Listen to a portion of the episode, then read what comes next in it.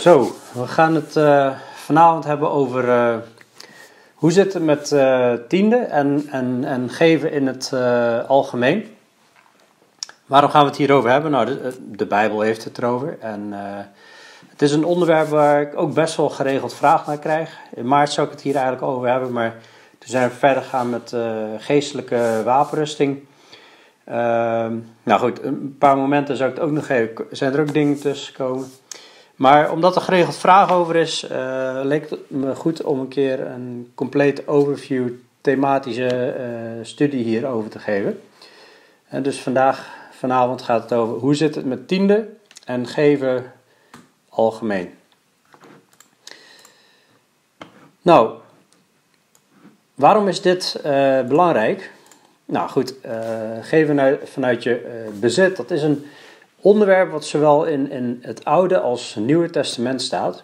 En dus je, je komt het in, vanaf Genesis tot en met Openbaring, uh, kom je het eigenlijk tegen. dus het is een uh, veel voorkomend onderwerp. Nou, Jezus heeft er ook onderwijs over gegeven en we moeten leren onderhouden alles wat Jezus geboden heeft. De Bijbel leert ook in, in 2 Korinthe 9 vers 6 dat wie karig zaait, zal ook karig oogsten. Wie zegenrijk zaait, zal ook zegenrijk oogsten. Dus er is ook nog een, een zegen aangekoppeld aan het geven. Het is uiteindelijk een, een, een uiting van dank en een uiting van aanbidding, zoals we zullen zien. Nou, er zijn uh, om te beginnen diverse standpunten. En ik noem er een aantal, misschien zijn er meer.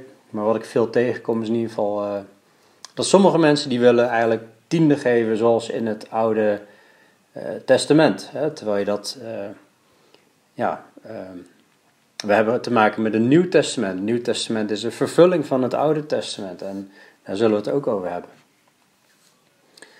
Sommige mensen willen gewoon veel of alles geven vanuit een, een blijmoedig hart. Ik geloof dat dit het, ja, de houding is die we, die we horen te hebben. Uh, sommigen willen juist weer zo min mogelijk geven, want ja, die zien dat als een welvaartsevangelie als je veel geeft. Want uh, ze denken dat kerken misschien uh, profiteurs zijn. Nou, dat is in ieder geval een houding die je, die je niet tegenkomt in de Bijbel. Ja, er zijn welvaartsevangelisten, er zijn profiteurs, maar gezonde bijbeltrouwe gemeente, in een gezonde bijbeltrouwe gemeente, hoort deze houding er niet te zijn. Sommigen vinden juist dat je veel moet geven, want dan zal God je zegenen met uh, welvaart. Dat is wel echt het welvaartsevangelie. Geef duizend en zal God dit en dat en dat doen. Nou, we zullen gewoon kijken wat uh, de Bijbel erover zegt zo uh, vanavond. Maar ik wil eerst even beginnen met een, een stukje in 1 Kronieken 29 vers 3. Dat is een heel mooi verhaal van ja, de houding eigenlijk van David en, en het volk van God. Ze gaan daar eigenlijk het huis van God bouwen. De voorbereidingen vinden plaats. En 1 Kroniek 29 vers 3 zie je, zegt David, en omdat ik een behagen schep in het huis van mijn God, geef ik daarboven, boven alle giften die hij had, geven mijn persoonlijke vermogen aan goud en zilver voor het huis van mijn God boven alles wat ik voor het huis van het heiligdom al gereed gemaakt heb. Nou, dan zie je, ga naar vers 9. Het volk was verblijd over hun vrijwillig geven. Want zij gaven met een volkomen hart vrijwillig aan de Heer. Vrijwillig. Ook David verblijde zich met hoge mate. Er was echt blijdschap in het geven. Toen loofde David de Heer voor de ogen van heel de gemeente. En David zei: Gelooft zij u, Heere, God van onze vader Israël, van eeuwigheid tot eeuwigheid. Van u, Heere, is de grootheid, de macht, de luister, de kracht en de majesteit. Want alles wat in de hemel en op de aarde is, is van u. Van u, Heere, is het koninkrijk. U hebt zich verheven tot een hoofd boven alles. Alles is dus van God. Rijkdom en eer komen van voor uw aangezicht. En u heerst over alles. In uw hand is kracht en macht. In uw hand is het om ieder groot te maken en sterk te maken. Nu dan, o onze God, wij loven u en prijzen uw luisterrijke naam. Want wie ben ik? zegt koning David. Hè? Wie ben ik en wat is mijn volk dat wij de kracht zouden hebben om vrijwillig te geven zoals dit? Wij kunnen helemaal niks. Zonder u kunnen wij niks. Want van u is alles, zegt David. En uit uw hand hebben wij het u gegeven. Alles is van God, zegt hij. Dus alles wat wij bezitten is ook van God. En uit uw hand hebben wij het u gegeven. Het is van u en we geven het eigenlijk gewoon terug aan u. Heere onze God, heel deze overvloed die wij gereed gemaakt hebben, om voor u een huis te bouwen, voor uw heilige naam, dat is van uw hand en het is alles van u. En ik weet, mijn God, dat u het hart beproeft en dat u behagen schept in wat billijk is. Ik heb met een oprecht hart al deze dingen vrijwillig gegeven en ik heb nu met vreugde gezien dat uw volk dat hier gevonden wordt het u vrijwillig heeft gegeven. Je ziet dat die vrijwillige houding hier helemaal centraal staat. Je ziet dat blijdschap centraal staat. Je ziet dat mensen zien, in ieder geval David ziet, alles is van de Heer. En, en wij geven het, uit, uit uw hand hebben wij het u gegeven. Alles is heel belangrijk om te beseffen dat alles is van de Heer. Al ons bezit, alles in het heelal is van God. Het is ook belangrijk te beseffen als we het gaan hebben over geven, dat als we God iets geven, dat we dat doen vanuit geloof. Niet alleen geven, maar alles. Je ziet eigenlijk het eerste verhaal in de Bijbel waarin iemand iets offert aan de Heer, iets geeft aan de Heer van zijn, uh, ja, eigenlijk van zijn werk. En dan zegt Hebreeën 11 vers 4, door het geloof heeft Abel God een beter offer gebracht dan Kain. Daardoor kreeg hij getuigenis dat hij rechtvaardig was. Dit heeft God met het oog op zijn, zijn gave getuigd. God heeft dat getuigd. Hij kreeg getuigenis dat hij rechtvaardig was. We, worden gerechtvaardigd door het geloof. Door dit geloof spreekt Abel nog, nadat hij gestorven is. En dus dit geeft hem leven, eeuwig leven. Hij leeft nog steeds. We zien in Hebreeën 11 vers 6 dat zonder geloof is het onmogelijk om God te behagen. Als wij God geven, dan geloven we dat alles van Hem is. Dan geloven we dat we van Hem hebben gekregen. Dan geloven we dat we Hem mogen eren daarmee. En, en, en het is een stuk dankbaarheid, maar vanuit het geloof dat Hij voor ons zorgt en dat we Hem zo de eer mogen geven. Het is ook belangrijk om te beseffen dat als we God iets geven, dat het eerst belangrijk is om je hele leven eerst te geven. En dat je hem wil, wil volgen in, in, in alles. 2 Korinthe 8 vers 4, hè, dat spreekt over... Zij smeekten ons met veel aandrang... dat we hun genade gaven en aandeel in het dienstbetoon aan de heiligen zouden aannemen. Het gaat over Macedoniërs in groep christenen in het, in het noorden van Griekenland die vrijgevig aan het geven waren. En ze deden niet alleen zoals wij gehoopt hadden, maar ze gaven zich eerst aan de Heer en daarna aan ons door de wil van God. En dus het begint met jezelf eerst aan de Heer te geven. En daarna geef je vanuit de hand van God, vanuit wat God gegeven heeft. dus door de wil van God. Als we nadenken over geven, is het belangrijk om te beseffen dat ehm, ja, we onszelf compleet verlogenen wanneer we Jezus willen volgen. Jezus zegt, als iemand achter mij wil komen, moet hij zichzelf verlogenen. Zijn kruis dagelijks opnemen en mij volgen. Dat betekent ook dat wij onszelf verlogenen in, in, in, dat opzicht dat, dat, dat we niet vasthouden aan ons bezit, maar dat loslaten. En dat aan de Heer bereid zijn dat aan de Heer te geven. Ik heb hier zo'n, uh, ja, ik vind het wel een grappig plaatje. Zegt, oké Henk, als ik jou dood, alles wat wordt ondergedompeld behoort tot God. Nou, dan wordt hij gedoopt en dan zie je dat hij zijn geld nog even boven water houdt. Maar het is natuurlijk niet de houding die bij een christen hoort. En we sterven met Christus, we worden, we worden begraven door de doop in de dood. We sterven aan, ons, aan onszelf. aan ons oude leven. We geven alles aan de Heer, als een levend offer. Ons hele leven. Dat is de houding waarmee geven begint. Nou, vervolgens wil ik nou even kijken naar uh, wat we zien over geven in het Oude Testament. En uh, nou, dan gaan we vervolgens kijken wat legt de Bijbel uit over geven in het Nieuwe Testament. En kunnen we ook iets leren vanuit het Oude Testament, kijkend naar het Nieuwe Testament. Het is een oude verbond en we hebben dan een nieuw verbond. Nou, ik wil eerst even kijken naar de tijd van voor de wet van Mozes. Ik noemde het net al. We zien in Genesis al heel snel dat Abel, die brengt een offer en dat behaagt de Heer. Dat gaf hij door het geloof. We weten niet hoeveel hij gaf, maar hij, hij gaf door het geloof en het behaagde God. Nou, en niet zo heel veel verder, dan kom je in Genesis 14, vers 18. En er wordt gesproken over Melchizedek. En onthoud deze naam, want die komen we later in de studie nog tegen. Hij was koning van Salem, koning van de vrede. Hij bracht brood en wijn. Hij was een priester van God, de Allerhoogste.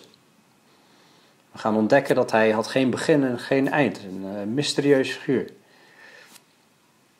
Hij zegende hem, Abraham, en zij gezegend zij Abraham door God, de Allerhoogste, die hemel en aarde bezit. En gelooft zij God, de Allerhoogste, die overgeleverd, heeft uw tegenstanders in uw hand. En Abraham gaf hem van alles een tiende deel.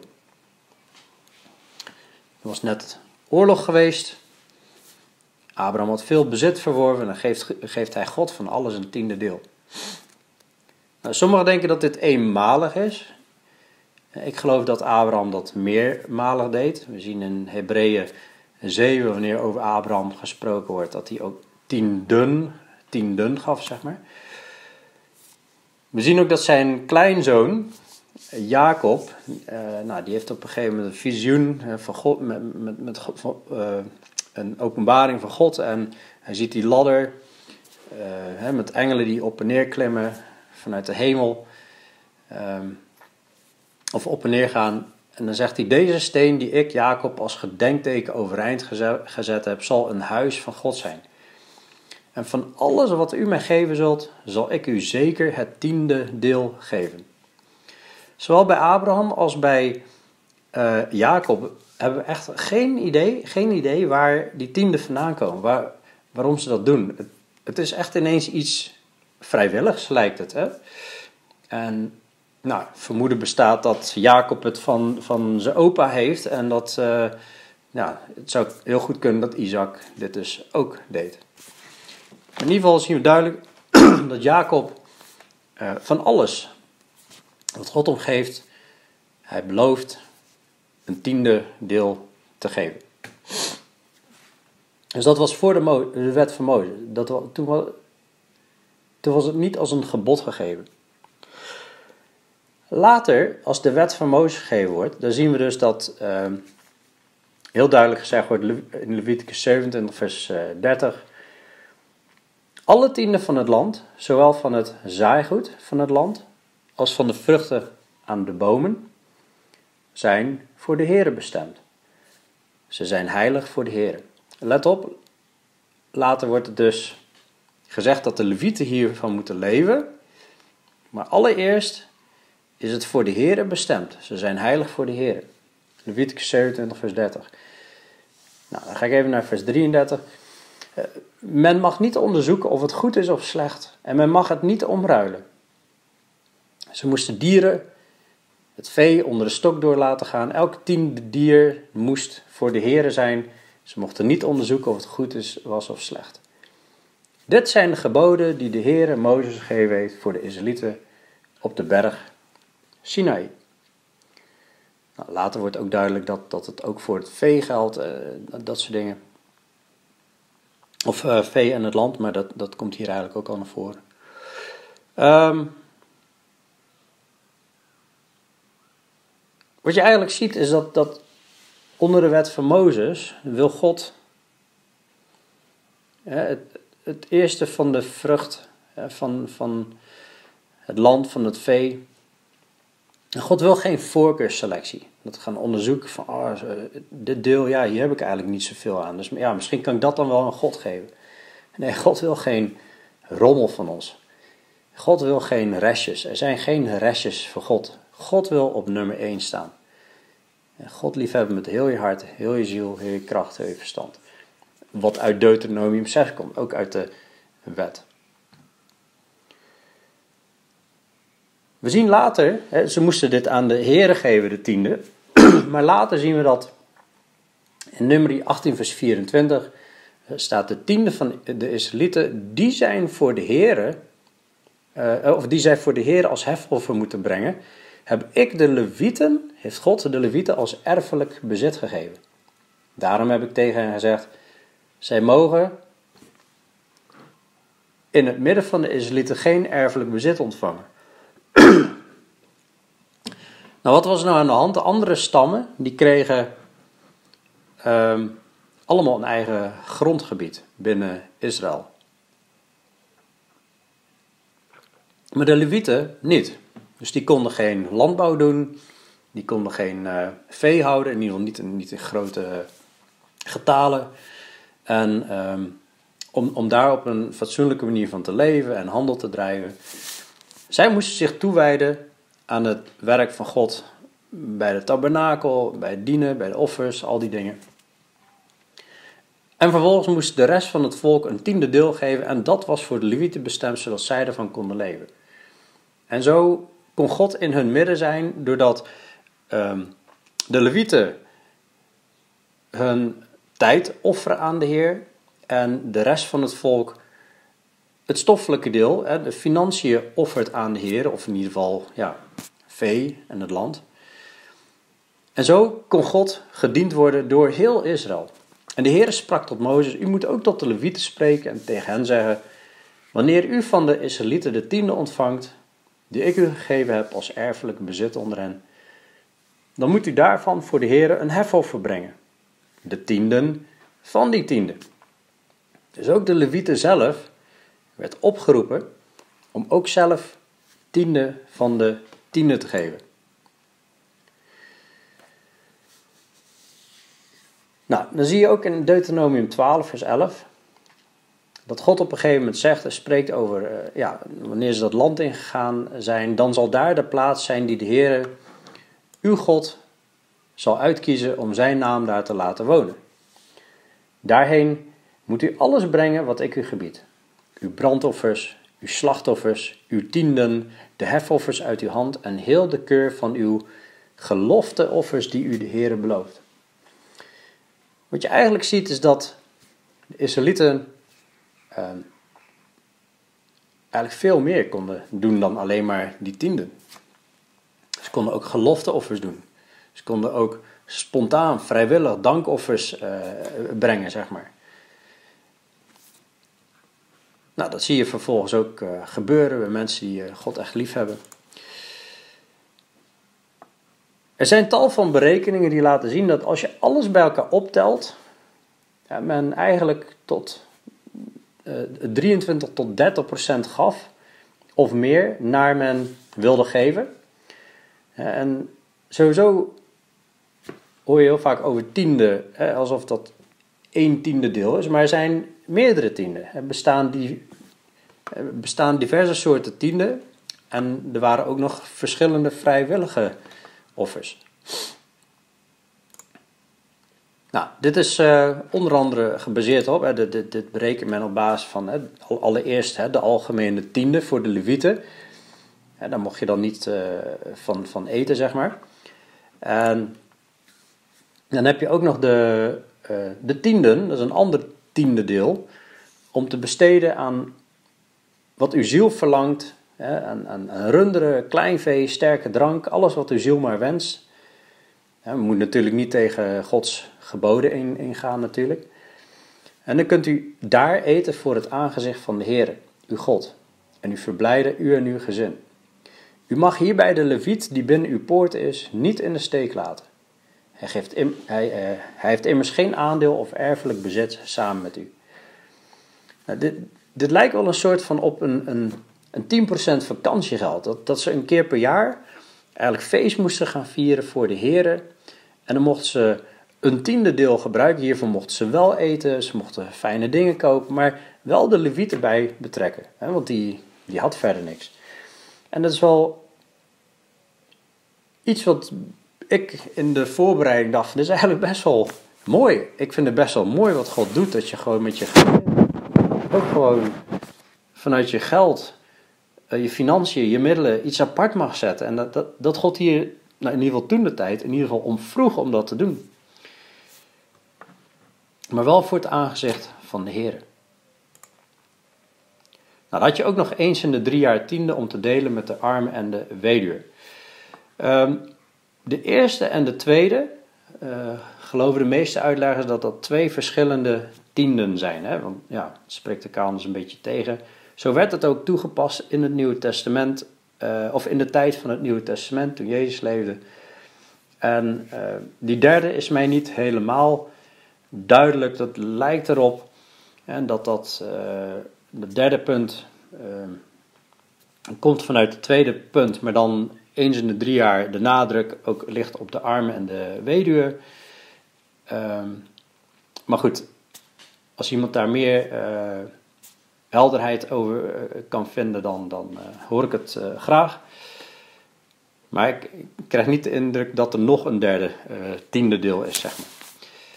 Nou goed, en hierbovenop had je nog eventueel andere vrijwillige offers die men gewoon, gewoon gaf. Hè? Zoals we ook bij David zagen. Nou, Deuteronomium 14 vers 23. Hè, voor het aangezicht van de Heer uw God op de plaats die hij zal uitkiezen om zijn naam daar te laten wonen, moet u de tiende van uw koren, van uw nieuwe wijn, van uw olie en de eerstgeborene van uw runderen en van uw kleinvee eten om de Heer uw God te leren vrezen alle dagen. Dus dat, dat tweede deel van de tiende, zeg maar, die, die, die, wat je dan met je gezin viert, dat was om, om de Heer uw God te leren vrezen, alle dagen. Om te leren vertrouwen op Hem, om te leren beseffen, ja, wij, doen dit nu en dan, en dan vertrouwen we erop. Nou, je, je hebt al 20% gegeven en vertrouwen op dat de rest ook gewoon voldoende is om gewoon nog van te leven en de rekeningen te kunnen betalen. Dus nogmaals, je ziet geen principe van, van restjes geven. Nee, je zet dit direct apart voor de Heer. Ehm, het gaf een tijd om je op God te kunnen richten. Israël moet God vrezen en vertrouwen dat wat overblijft van de oogst of het vee genoeg is voor hen. Dat is natuurlijk een les die ze al hebben geleerd, of in ieder geval hadden moeten leren, in de tijd dat ze manna kregen in de woestijn. Elke dag was er net voldoende. Ze moesten vertrouwen op de Heer dat er de volgende dag weer zou zijn. Overigens heb je ook nog eens in de, in, in de zeven jaar Sabbatsjaar, dat was een jaar verrust, waar men ook moest vertrouwen dat God zou voorzien. Dan moest het land vanzelf, wat het land vanzelf opbracht, daar moesten ze dan van eten. Ze moesten het niet gaan bewerken. Nou, dan moet je een enorm vertrouwen op God hebben dat, dat Hij dan zal voorzien. Je ziet heel duidelijk dat de, de wet van Mozes roept op tot prioriteiten in je financiën. Ook hier zie je God op de eerste plek. En de, en de wil natuurlijk, wilde natuurlijk dat ze dit van harte deden. En hij ziet steeds wezen op uw hoede dat u de leviet niet in de steek laat, al uw dagen in uw land. Want zij hadden geen mogelijkheid om ja, uh, handel te drijven of uh, de dingen te doen die de, die de rest van de Israëlieten wel deden. Want die hadden grondgebied. Maar de tiende, dat was het erfelijk deel van de Levieten. Nou, nu weten we ook dat Israël continu is gaan afwijken. En eigenlijk heeft verzuimd om, om het woord van God te volgen. En dan lees je later in, de, in de, uh, het boek Malachi, de profeet Malachi, die spreekt dan de woorden van God. En er staat: Sinds de dagen van uw vaderen bent u afgeweken van mijn verordeningen. En u hebt ze niet in acht genomen. Keer terug naar mij en ik zal naar u terugkeren, zegt de Heere van de legermachten. Maar u zegt, in welk opzicht moeten wij terugkeren? Ik geloof dat, dat God dan zegt: Zou een mens God beroven? Werkelijk, u berooft mij. En dan zegt u: Waarvan beroven wij u? En dan zegt God van de tienden en het hefoffer. U bent door de vloek getroffen omdat u mij berooft, als volk in zijn geheel. Breng al de tienden naar het voorraadhuis, zodat er voedsel in mijn huis is. Beproef mij toch hierin, zegt de Heere van de legermachten, of ik niet de vensters van de hemel voor u zal openen en zegen over u zal uitgieten, zodat er geen schuren genoeg zullen zijn. God wil Israël zegenen. In Deuteronomium 27, 28, daar lees je over de zegen en de vloek wanneer men wel met in Gods woord wandelt of wanneer men niet in Gods woord wandelt. En God daagt ze uit. Beproef mij toch hierin, zegt de Heer van de legermachten. Of ik niet de vensters van de hemel voor u zal openen en zegen over u zal uitgieten. Nou, dit heeft natuurlijk betrekking op Israël. Tegelijkertijd gaan wij ook in het Nieuwe Testament zien, we hebben het al laten zien helemaal in het begin, dat wie zegenrijk zaait, zal zegenrijk oogsten. Wie karig zaait, zal karig oogsten. En God wil ons zegenen. Maar Israël wordt natuurlijk aards bezit beloofd, melk en honing in, in, in overvloed. Ons worden vooral geestelijke zegeningen beloofd. Maar ook belooft Jezus in Matthäus 6 eh, dat zoek eerst het koninkrijk van God. En er zal eten, kleren en drinken zal erbij gegeven worden natuurlijk.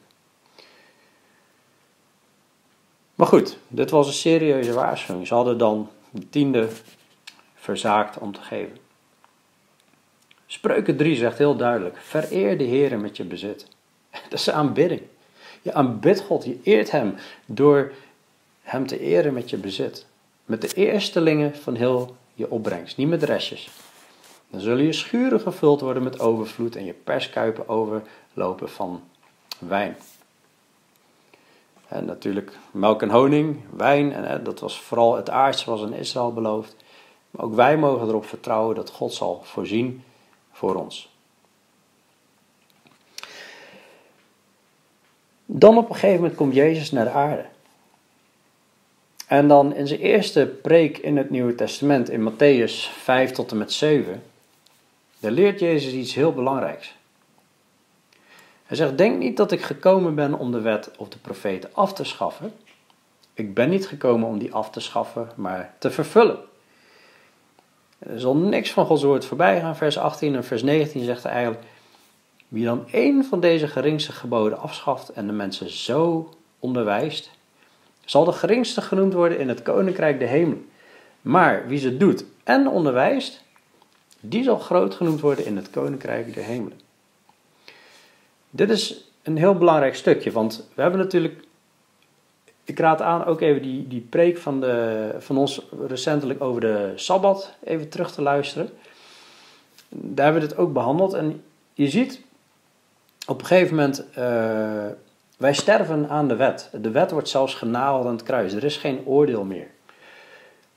Tegelijkertijd is die wet is gegeven voor ons als een voorbeeld. Hè?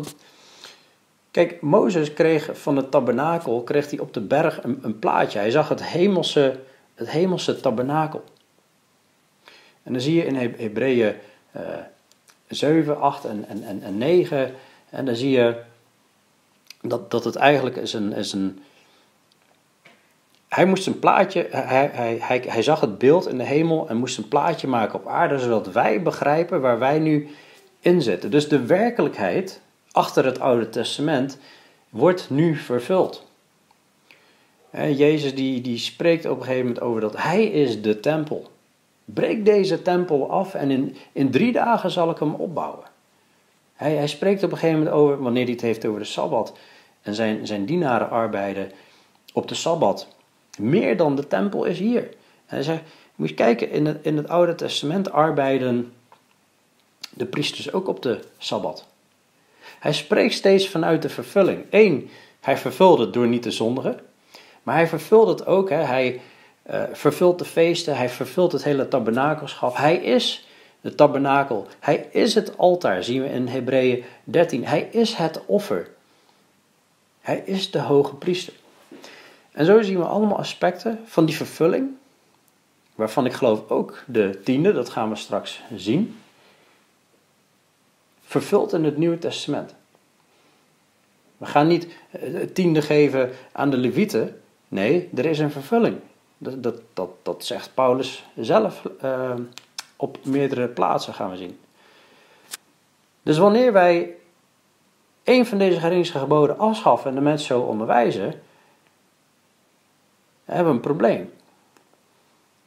Maar wanneer wij dat onderwijzen, moeten we het onderwijzen met de vervulling die uitgelegd wordt in het Nieuwe Testament.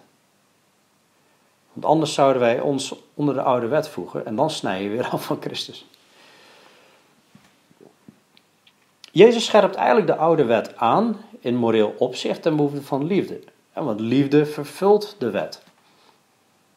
Als wij van harte geven, als wij van harte onze naaste lief hebben, dan vervul je de wet. Daarom gaat hij op een gegeven moment spreken over.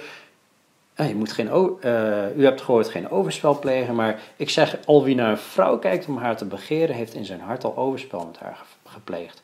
Hij legt eigenlijk de lat nog hoger, nog scherper. En dit kan alleen maar wanneer je vervuld bent met de geest. U hebt gehoord, u zult niet doden, anders ben je al schuldig. Maar Jezus stelt dat eh, zelfs uitschelden en zeggen dwazen. Dat is zeggen tegen, als je dat al zegt tegen je broeder, dan ben je als, word je als schuldig bevonden tot het helse vuur. Als u dan uw gave op het altaar offert en je herinnert je dat je broeder iets tegen je heeft, dan moet je direct verzoenen. Wat ook wel weer grappig is, want hij spreekt hier tegen de discipelen. Als je herinnert dat uh, als, je, als je je gave op het altaar offert en je broeder heeft iets tegen je, hé, maar wij, wij, wij komen toch helemaal niet meer bij het altaar om te offeren. Waarom spreekt hij, die, waarom spreekt hij dat zo? Nou, omdat Jezus spreekt vanuit de vervulling van de wet. En het altaar, hè, dat is hij zelf. Wanneer wij bij Jezus komen, wanneer wij in de gemeente komen, wanneer wij aan het avondmaal deelnemen en die dingen. En, je gaat dat op onwaardige wijze doen. Wow, stop. Of je gaat je giften geven. En je herinnert dat je broeder iets tegen je heeft, direct verzoenen. Eerst dat. Nou, Jezus gaat meteen in Matthäus 6, vers 19. Hij richt op Verzamel geen schatten voor u op aarde, waar mot en roesten verderven, waar dieven inbreken en stelen. Maar verzamel schatten voor u in de hemel, waar geen mot of roesten verderft, waar dieven niet inbreken of stelen. Want waar uw schat is, daar zal ook uw hart zijn. Hier richt Jezus ook op om zoek eerst het koninkrijk van God en zijn gerechtigheid. Ook, ook op het gebied van je hele hebben en houden. Op het gebied van het materiële. Wees niet bezorgd over je leven, over wat je eten, wat je drinken zult, ook niet over je lichaam. Maar zoek dat koninkrijk van God en zijn gerechtigheid. En, en al dat andere, vertrouw erop dat God daarvoor zal zorgen. Op een gegeven moment in een discussie met de Joden, Jezus spreekt over het koninkrijk, over dat hij koning is. En dan denk je, oh, maar hoe zit dat dan? Moeten we nog wel belasting betalen dan? En dan legt Jezus uit, geef aan de keizer wat van de keizer is en aan God wat van God is. En toen zij dit hoorden, verwonderden zij zich en zij verlieten hem en gingen weg. Het interessante is, tegen, tegen wie spreekt hij? Hij spreekt tegen de Joden. En hij zegt, geef aan de keizer wat van de keizer is, je belasting, en geef aan God wat van God is. Nou, wat was er bij de Joden bekend, wat ze aan God moesten geven? Nou, dat waren de tiende en de overige offers. Maar tegelijkertijd hebben we ook gezien dat David die gaf veel meer dan dat. Die offerde op een bepaald moment heel zijn vermogen aan goud en zilver. Dus geef aan God wat van God is. Later in discussie met de schriftgeleerde fariseeën, hij geeft een donderpreek, Jezus geeft een donderpreek, hij noemt ze huigelaars.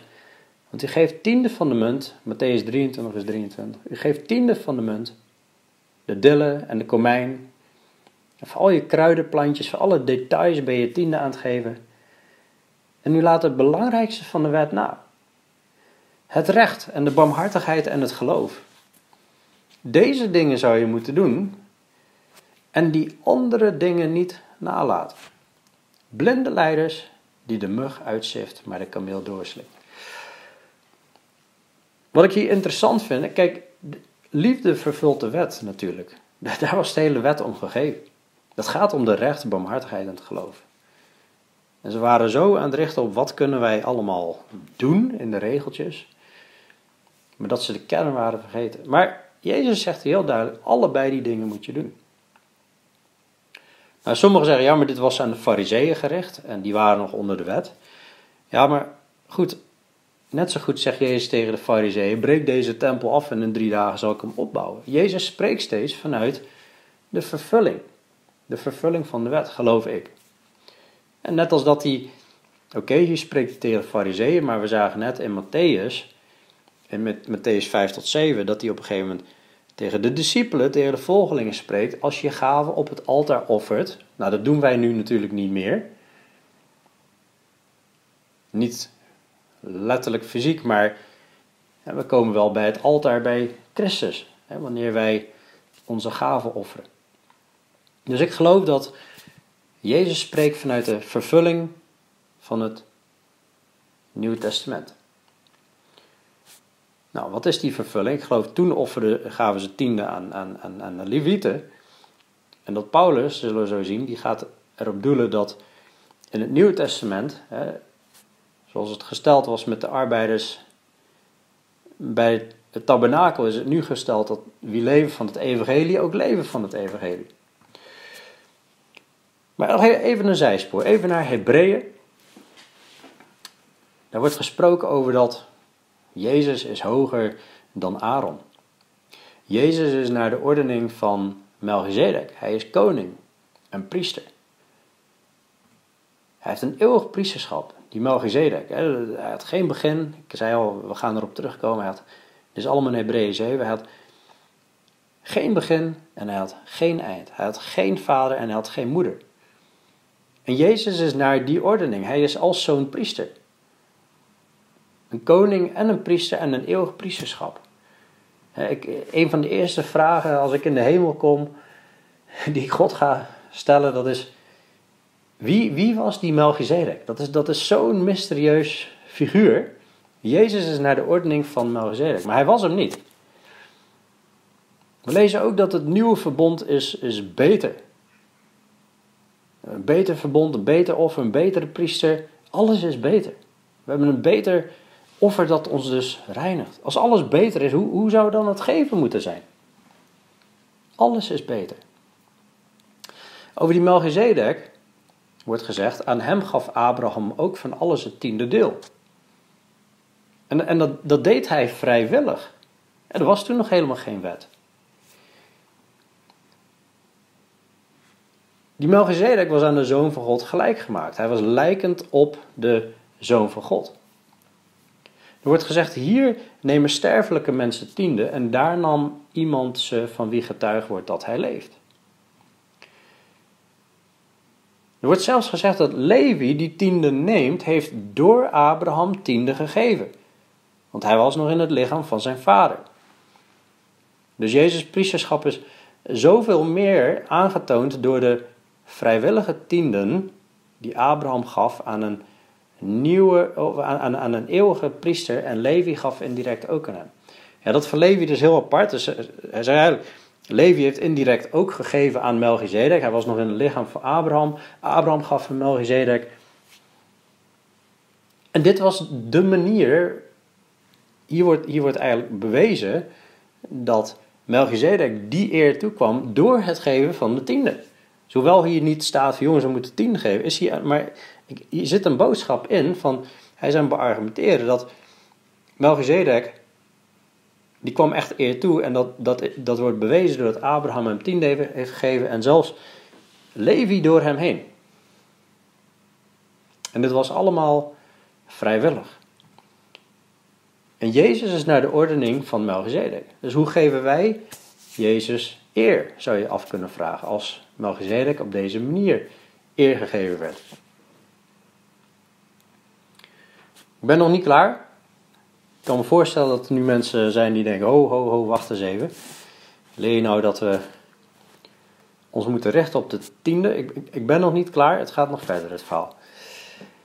Want het bijzondere is, is als wij in, in, in, in, het Nieuwe Testament verder gaan lezen, in, in het boek Handelingen, als we de praktijk zien van de eerste christenen, dan zie je dat alle die geloofden waren bijeen en hadden alle dingen gemeenschappelijk. Liefde vervult de wet. Ze waren niet meer gericht op hun bezit. Ze, verkochten hun bezittingen en eigendommen en verdeelden die onder allen, nadat ieder nodig had. Nou, ik geloof wel dat ze hielden wat ze nodig hadden, hè, want er werd ook verdeeld nadat ieder nodig had. Je kunt natuurlijk niet al je bezittingen verkopen, dan heb je geen dak meer boven je hoofd. Maar ik denk al het overbodige wat ze niet nodig hadden. Of misschien heb je te groot huis en dan gingen ze dat verkopen. Handelingen 4, vers 32. En de menigte van hen die geloofden was één van hart en één van ziel. En niemand zei dat iets van wat hij bezat van hemzelf was, maar alles hadden zij gemeenschappelijk. Dit is ook de vervulling van de wet. dat je ziet van, oké, God heeft principe gegeven in het Oude Testament. Zorg voor de ander. Zorg voor de dienaren van God. Eh, zorg voor de armen en de weduwen en de levieten. En nu hebben ze de boodschap begrepen. Hé, hey, we gaan gewoon alles geven voor elkaar. We zijn één familie. We zijn één volk wat God dient. Je ziet heel duidelijk na de uitstorting van de Heilige Geest dat men besefte hoe kostbaar het was wat Jezus gedaan heeft. Hij gaf alles. 1 Petrus 1 vers 18. U bent niet met vergankelijke dingen, zilver of goud, vrijgekocht van uw zinloze levenswandel, die u door de Vader overgeleverd is, maar met het kostbaar bloed van Christus, als van een smetteloos en onbevlekt lam. In 1 Korinthe 9, vers 7, er is een conflict in de gemeente uh, van Korinthe. Was een hele vleeselijke gemeente, waren niet zo heel geestelijk deze mensen, allemaal problemen. En ze zijn een beetje nukkig, ze negeren ook om Paulus uh, financieel te ondersteunen, terwijl hij die gemeente geplant had. En andere mensen die krijgen wel ondersteuning, dus een beetje, ja, ik ben van die en ik ben van die. En dan zegt Paulus, wie dient ooit in het leger en betaalt zijn eigen soldij? Je gaat toch niet in het leger uh, werken en dan moet je eigen tank betalen, je eigen loon regelen en zo. Wie plant een wijngaard en eet niet van zijn vruchten? Het is toch, toch, normaal dat een, een boer die, die bezig is geweest met de oogst, dat hij daar ook van eet. Wie, wie wijdt een kudde en voedt zich niet met de melk van de kudde? Dat, dat zijn zijn inkomsten. Dat, hij kan niet anders, want hier heeft hij voor gewerkt. Nou, spreek ik dit naar de mensen of zegt ook de wet niet hetzelfde? 1 Korinthe 9 vers 9. Want de wet van Mo in de wet van Mozes staat geschreven, let op, Paulus citeert hier de wet van Mozes. Met een vervulling, in de wet van Mozes staat geschreven, u mag een dorsende os niet muilbanden. En dat is een dier wat hard werkt, boven de koren wordt het koren van de kaf gescheiden, terwijl ze eroverheen wan lopen. En bekommert God zich alleen maar om de ossen, zegt Paulus? Of zegt hij dit vooral om ons, de arbeiders in het evangelie? Jawel, om ons is geschreven, let op, in het Oude Testament, dat wie ploegt, in hoop hoort te ploegen en dat wie in hoop dorst, het deel waarop hij hoopt hoort te krijgen.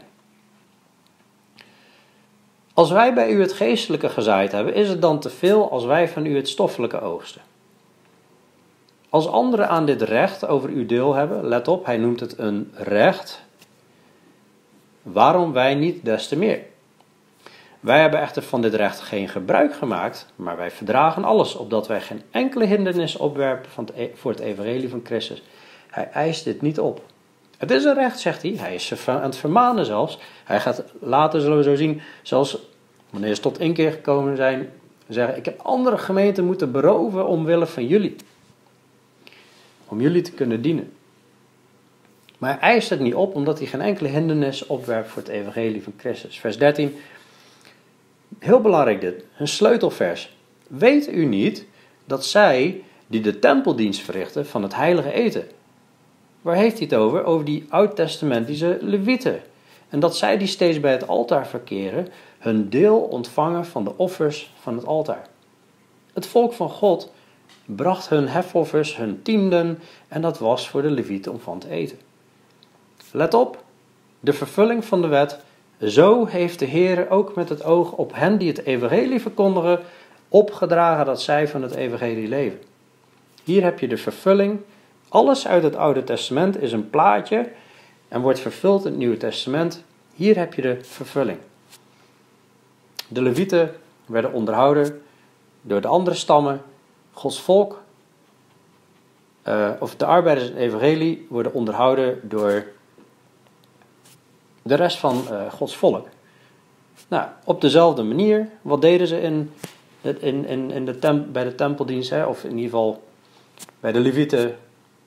Die kregen een tiende deel, maar er waren ook andere offers. Jezus kwam niet om die oude wet af te schaffen, maar om te vervullen. Ja, er heeft verandering van wet plaatsgevonden, maar die verandering van wet is de vervulling van het oude. Wij zijn hemelburgers. Zij waren aardse burgers. Wij zijn nieuwe Jeruzalem. Zij waren aardse Jeruzalem. Had het aardse Jeruzalem. We zijn gezegend met geestelijke zegeningen. Zij met aardse zegeningen. Eh, Jezus is de hoge priester van Juda. Daarom moest er verandering van wet plaatsvinden. Zij hadden een Levitische hoge priester. Wij zijn koninklijke priesters, geestelijke priesters. De tempel is in ons. Jezus is de tempel. De troon van genade is open. We hebben eeuwige rust. Dat is de Sabbat, de echte, de echte rust. Een perfect eeuwig offer. Wij zijn levende stenen, geen aardse stenen. De heidenen zijn nu rein, toen waren ze onrein. Het is een koninkrijk van gerechtigheid, vrede en blijdschap. En zo zijn er nog veel meer dingen, waaronder, ik geloof, hè, ik heb dit eerder laten zien, ook bij de preek van de Sabbat, de plaatje, maar waaronder ik ook geloof, hè, dus die tiende, is dat wettisch? Nee, het zou wettisch zijn als wij de tiende aan de levieten gaan geven in het Oude Testament, denken dat we nog onder het oude verbond leven. De vervulling is, de arbeiders in het evangelie, dat ze ook leven van het evangelie. Dat staat in 1 Korinthe 9 vers 14. Zo heeft de Heer ook met oog op hen die het evangelie verkondigen, zo verwijst naar de tempeldienst in het Oude Testament, opgedragen dat ze van het evangelie leven. wat ik al zei, Paulus zegt, andere gemeenten heb ik beroofd door, u, uh, door een vergoeding aan te nemen ten dienste van u. dus hij neemt het wel als een serieuze kwestie. Net als in Malachi, wat we gelezen hadden, beroofde Israël, beroofde God. En nou zegt Paulus eigenlijk hetzelfde. Ik heb andere gemeenten nu moeten beroven. Maar waar draait het uiteindelijk om? In Filippenzen 4 vers 17 eh, zegt hij en tegen de, uh, dan zegt hij tegen mensen dat, dat hij, hij zoekt niet de gave, maar hij zoekt uiteindelijk de vrucht die op uw rekening toeneemt. Ah, Paulus heeft op momenten gewoon in armoede geleefd. Omwille van het evangelie. Hij was bereid om dat te doen. Hij was niet, hij was niet uit op die gave. Maar, maar hij, zo, hij zocht de vrucht die op de rekening toe zou nemen van de mensen.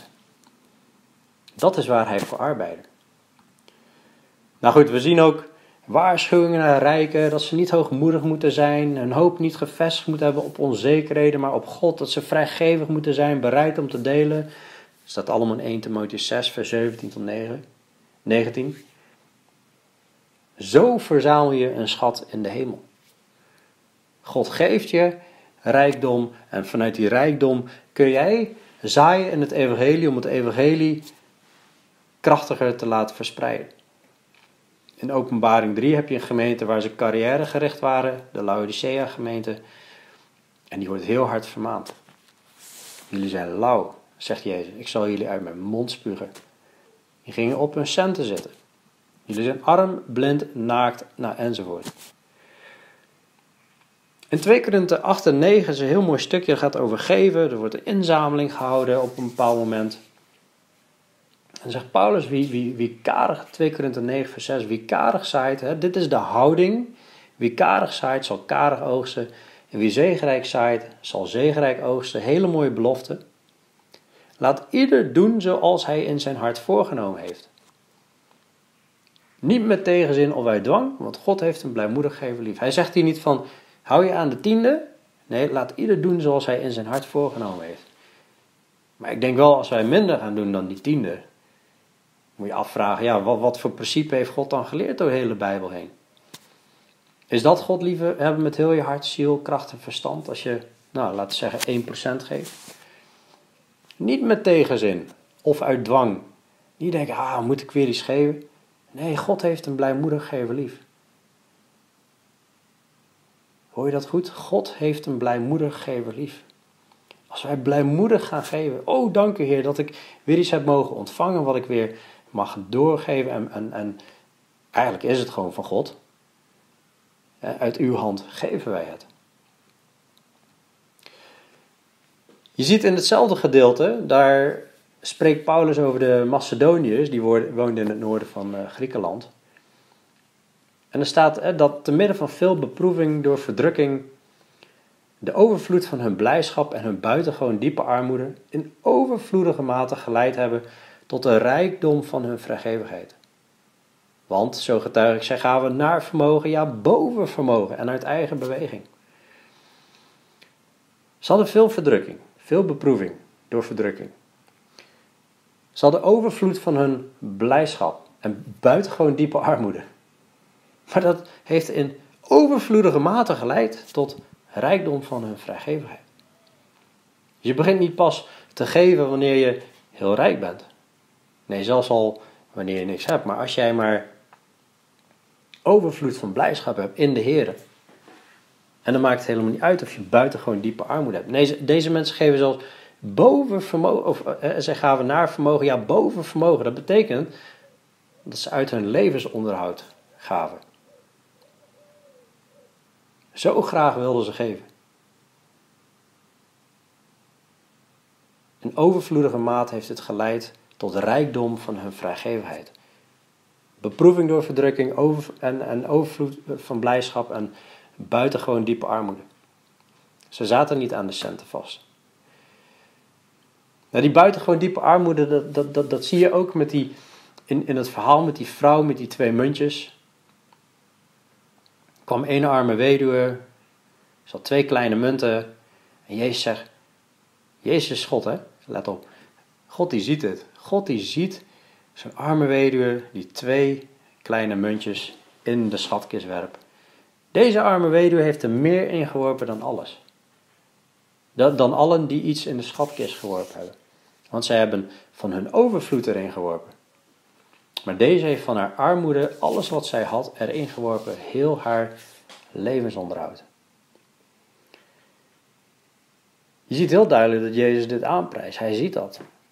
Dit is heel bijzonder. En tegelijkertijd mogen we naar elkaar omzien als, als christenen en ook als, je, als mensen arm zijn.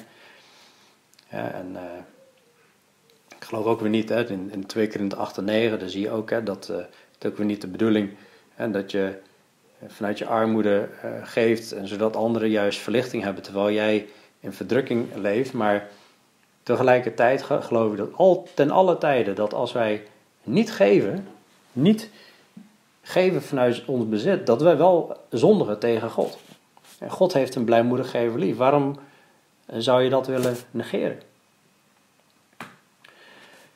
Nou, je ziet op plekken dat ze uh, opsparen wat in vermogen is. Op elke eerste dag van de week moet ieder van u bij zichzelf iets opzij leggen om op te sparen wat in zijn vermogen is, opdat de inzameling niet pas dan gehouden wordt wanneer ik gekomen ben. In zijn vermogen, dat is ja, naar verhouding. Een miljonair kan meer geven dan iemand die 20.000 jaar uh, verdient. Maar goed, je ziet dus ook dat christenen soms bovenvermogen geven. Die, die vrouw met die penningen gaf ook bovenvermogen vanuit levensonderhoud. Rebecca en ik hebben dat ook in periode gedaan in ons leven. We hebben een periode van enorme overvloed gehad toen we twee banen hadden. Ook periode gekend dat we arbeid en het evangelie niet ruim hadden. We zijn altijd blijven geven. Ook boven vermogen. En dat is niet om onszelf op de schouder te kloppen, maar dat, dat, dat is vertrouwen op God. De discipelen besluiten ook op andere plekken ieder naar vermogen iets te sturen ten dienste van broeders, handelingen 11 vers 29. Voor uh, was 1 Corinthië 16 vers 2. Nou, al met al verzamel schatten in de hemel. Maar waar verzamel je die? Nou, we zien in 1 Corinthië 16 vers 2 dat ze een, een wekelijks een inzameling hebben in de gemeente of in de bijeenkomst. Wij doen dat tegenwoordig veelal uh, digitaal. Het is onder andere voor arbeiders in het evangelie, net als uh, in het Oude Testament, voor dienende priesters bij het altaar. Dit is die, de vervulling, wat hij heel duidelijk uitlegt. Zo is het ook met hun die arbeiden in het evangelie. Ja, gegeven dat ze ook leven van het geboden, dat ze leven van het evangelie. Nou, we hebben natuurlijk vaker al gehad over 1 Timotheüs 5 vers 17. Laat ouderlingen die goed leiding geven, dubbele eerwaard geacht worden, vooral degene die arbeiden in het woord en de leer. Want de schrift zegt, een dorsende os mag u niet melkorven en de arbeider is zijn loon waard. Dus er zijn ouderlingen die goed leiding geven en arbeiden in woord en leer en die uh, zouden financieel ondersteund moeten worden. Ook voor weduwen in bepaalde gevallen, onder bepaalde voorwaarden. Ook voor armen, zien we in Jacobus 2, vers 15 en 16. Daarvoor kan die inzameling gebruikt worden. Gelaten 6, vers 2 zegt: Draag elkaars lasten en vervul zo de wet van Christus. Zie je dat? Draag elkaars lasten. Dit is de, de liefde vervult de wet. Gelaten 6, vers 6. Laat hij die onderwezen wordt in het woord in alle goede dingen delen met hem die onderwijs geeft. Dwaal niet, God laat niet met zich spotten, want wat de mens zaait, zal hij ook oogsten. Want wie in zijn eigen vlees zaait, zal uit het vlees verderf oogsten. Maar wie in de geest zaait, zal uit de geest het eeuwig leven oogsten. Dus als wij in het aardse zaaien, in aardse bezittingen, dan zullen we uit het vlees verderf oogsten. Maar gaan we zaaien in het geestelijke, in het evangelie, dan zullen we zal uit de, dan zul je uit de geest het eeuwige leven oogsten. Laten we niet moede worden goed te doen, want te zijner tijd zullen we oogsten als wij het niet opgeven. Laten wij dus, terwijl we gelegenheid hebben, goed doen aan allen, maar vooral aan de huisgenoten van het geloof. Nou, even terug naar de vraag: spreekt het Nieuwe Testament over tiende? Nou ja en, en nee. Hè. We hebben gewoon gezien Hebreeën 7 en Matthäus 23, er wordt gewoon gesproken over tiende. Geef God wat God toekomt, zegt Jezus in Matthäus 22, vers 21. Ja, de Joden wisten heel duidelijk, waren onderwezen over de tiende. Um, en deze dingen, het recht, barmhartigheid, geloof moet je doen en het andere niet nalaten, hè, zoals de tiende. Maar ik geloof wel vanuit de vervulling van de wet. Dus niet naar de levieten, maar naar de arbeiders in het evangelie. En dat zegt 1 Korinthe 9 vers 13 en 14. De vervulling van het Oude Testament met betrekking tot giften voor de levieten wordt in het Nieuwe Testament gelinkt aan de arbeiders in het evangelie. En meer dan de tempel is hier, Jezus sprak vanuit de vervulling. We zien ook dat de eer die Melchizedek toekwam, die wordt diverse, diverse keren beargumenteerd met het geven van tiende van Abraham en indirect ook de Levieten in Hebreeën 7. Jezus is naar die ordening. Dus welke eer geven wij hem dan? Dit was op vrijwillige basis, dit was helemaal geen wet. Dus aan de ene kant ja, het Nieuwe Testament spreekt over tiende. Aan de andere kant nee, want liefde vervult de wet.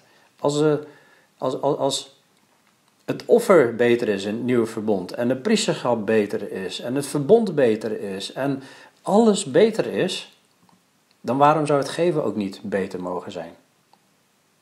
Maar ook in het Oude Testament waren de giften niet beperkt tot de tiende, wat heel veel soms denken. Het was veel meer dan dat. Er waren heel veel vrijwillige offers ook nog. En ook het moment om met je gezin tijd te besteden samen voor de Heer. En fijne dingen te doen. Ook in het Nieuwe Testament zijn giften niet beperkt tot de tiende. Je ziet juist dat ze alles deelden met elkaar. Ze alles gaven. En, en, en God heeft een blijmoedig gever lief. Spreekt dit elkaar nou tegen? Nee, dat denk ik niet. Ik denk dat de tiende een soort principe is, een, een, een uitgangspunt, maar dat je veel meer mag doen dan dat. God heeft een blijmoedig gever lief. Ik denk dat een heel belangrijk punt is dat in 1 Kronieken 29 vers 14 David zegt, wie ben ik, wat is mijn volk, dat wij de kracht zouden hebben om vrijwillig te geven zoals dit. Want van u is alles en uit uw hand hebben wij het u gegeven. David gaf niet op elk moment heel zijn vermogen, maar in een situatie waarbij het nodig was, geeft hij heel zijn vermogen aan goud en zilver. Omdat er een bepaalde nood is. En zo zie je de christenen in het Nieuwe Testament, die geven, die geven, die geven, en als er een bepaalde nood is, geven ze meer. Draag elkaars lasten en vervul zo de wet. Ik denk dat dat de boodschap is. En dat, dat de tiende zeker wel een uitgangspunt zijn die, die we aan God mogen geven. En dan bepaalt Hij vanuit zijn woord wat ermee moet gebeuren. Maar ik denk niet dat we daar ons in moeten beperken. Ik denk ook niet dat het een zonde is als wij niet de tiende geven. Net zoals het, ja, het is goed om een rustdag te hebben. Is het, maar het is geen zonde als ik dan een keer uit nood naar de Albert Heijn moet lopen of zo. Maar rust is wel goed. Maar we moeten niet op wettische manier de Sabbat gaan houden. Dan snij je af van Christus. En zo denk ik, als we dit bekijken, wat voor houding zoekt God in ons? Wat voor blijmoedig hart waarmee we mogen geven, zoekt God. Dat heeft Hij lief. Nou, heel vaak zie je discussie die uh, gaat over, uh, ik ben bijna klaar over is. Zijn tiende nu wel of niet voor christenen? Nou, heeft deze discussie zin als alles voor God is? Geef gewoon met een blijmoedig hart. Maar ik denk als je hieronder gaat zitten of, of, of soort bijna wetmatig erop, hè, dan denk ik dat je God tekort doet. Ja, Jezus benoemt het wel. En, en is 1% geven aan God in verhouding met God liefhebben, met heel je hart. Dus geven naar vermogen, in verhouding. Discussies gaan wel eens over, uh, moet ik nou van mijn bruto of van mijn netto loon aan God geven? En ik denk dat het beste antwoord hierop is van ja, hoe wil je zegeningen ontvangen? Dus een, een, een vraag terug, hoe wil je zegeningen ontvangen? Wil je bruto zegeningen ontvangen of wil je netto zegeningen ontvangen? En wie karig zaait zal karig oogsten, wie zegenrijk zaait zal zegenrijk oogsten. Ik denk dat je daarin je antwoord hebt. Geef God wat God toekomt en de keizer wat de keizer toekomt, heeft Jezus gezegd. Welk principe leer je daaruit? Sommigen zeggen, ja, is geven nou wel of niet verplicht? Nou ja, niets is verplicht. Zelfs Jezus volgen is niet verplicht. Maar iedere keuze heeft wel consequenties. En die consequenties zijn we niet vrij in. De keuze zijn we vrij in. Als iemand achter mij aan wil komen, achter Jezus aan wil komen, moet hij zichzelf verloochenen zijn kruis opnemen en mij volgen. Ja, Jezus volgen is vrijwillig. Wie wil komen, dat mag. Maar dan moet je wel jezelf verloven. Ik geloof wel dat als jij überhaupt niet deelt vanuit je financiën aan God, dan geloof ik wel dat je zondigt. Waarom, waarom als je ziet, God heeft een blijmoedig gever lief. Waarom zou je dan willen zeggen, ja maar ik hou mijn vinger op de knip. Ja, God heeft een blijmoedig gever lief. Ja maar ik hou mijn vinger... Wil je niet dat God jou lief heeft? We zijn bezig met een relatie. Hè? De liefde vervult de wet. Nou, sommigen zeggen, tiende geven dat is wettisch.